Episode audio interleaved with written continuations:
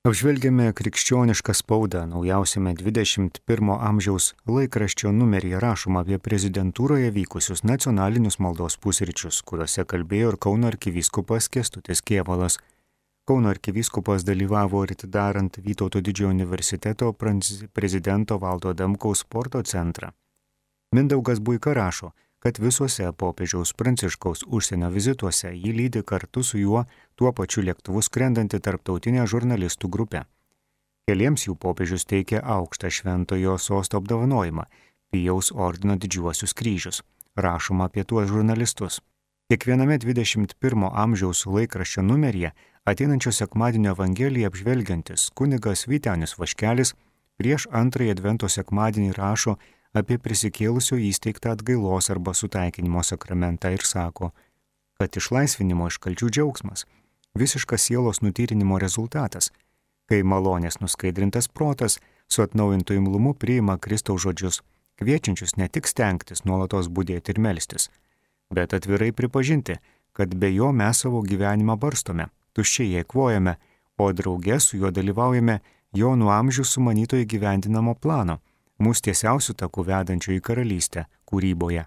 21 amžius rašo apie įvairiose Lietuvos vietose paminėtas iškelių kraštiečių sukaktis. Vienas jų - Šiaulių rajone Priduose paminėtas prilatas Pranciškus Mykolas Jūras. Kitas Šakių rajone sudargė prisimintas knygnešių patriarchas kunigas Martinas Siderevičius.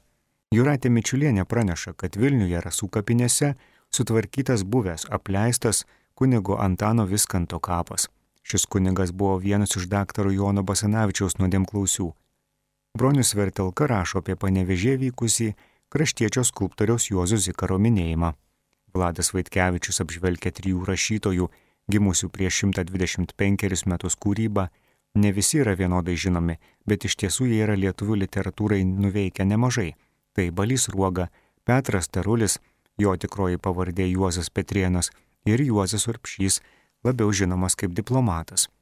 Minint Lietuvos totorių istorijos ir kultūros metus, 21 amžius vėl spausdina jiems skirtą tekstą. Šį kartą Daivo Šervokienės pokalbis su laikraščio Lietuvos naujienos fotožurnaliste Zita Stankievičinė.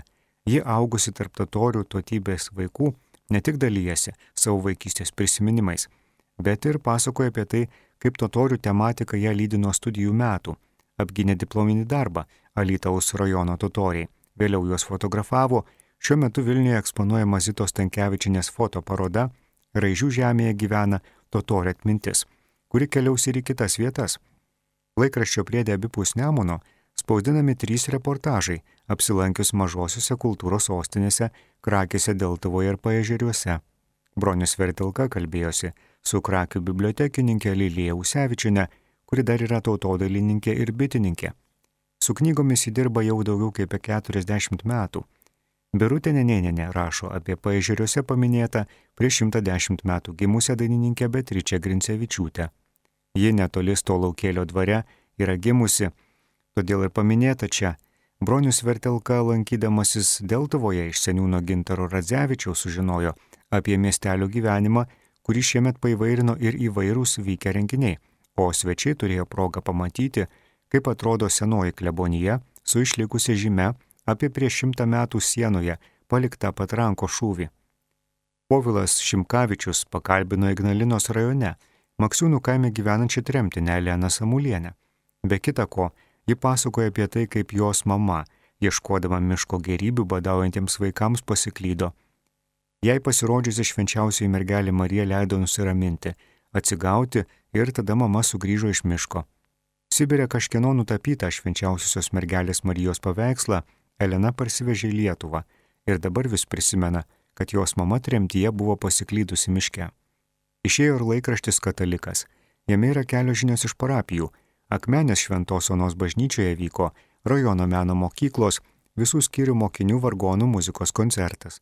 Jis tapo tradiciniu, nes vyksta jau kelinti metai prieš Šventos Cecilijos dieną o klebonas kanauninkas Algis Genutis jo dalyviams linki nuolat pasimelsti prašant šios šventosios globos, apie tai rašo Elena Gubovienė.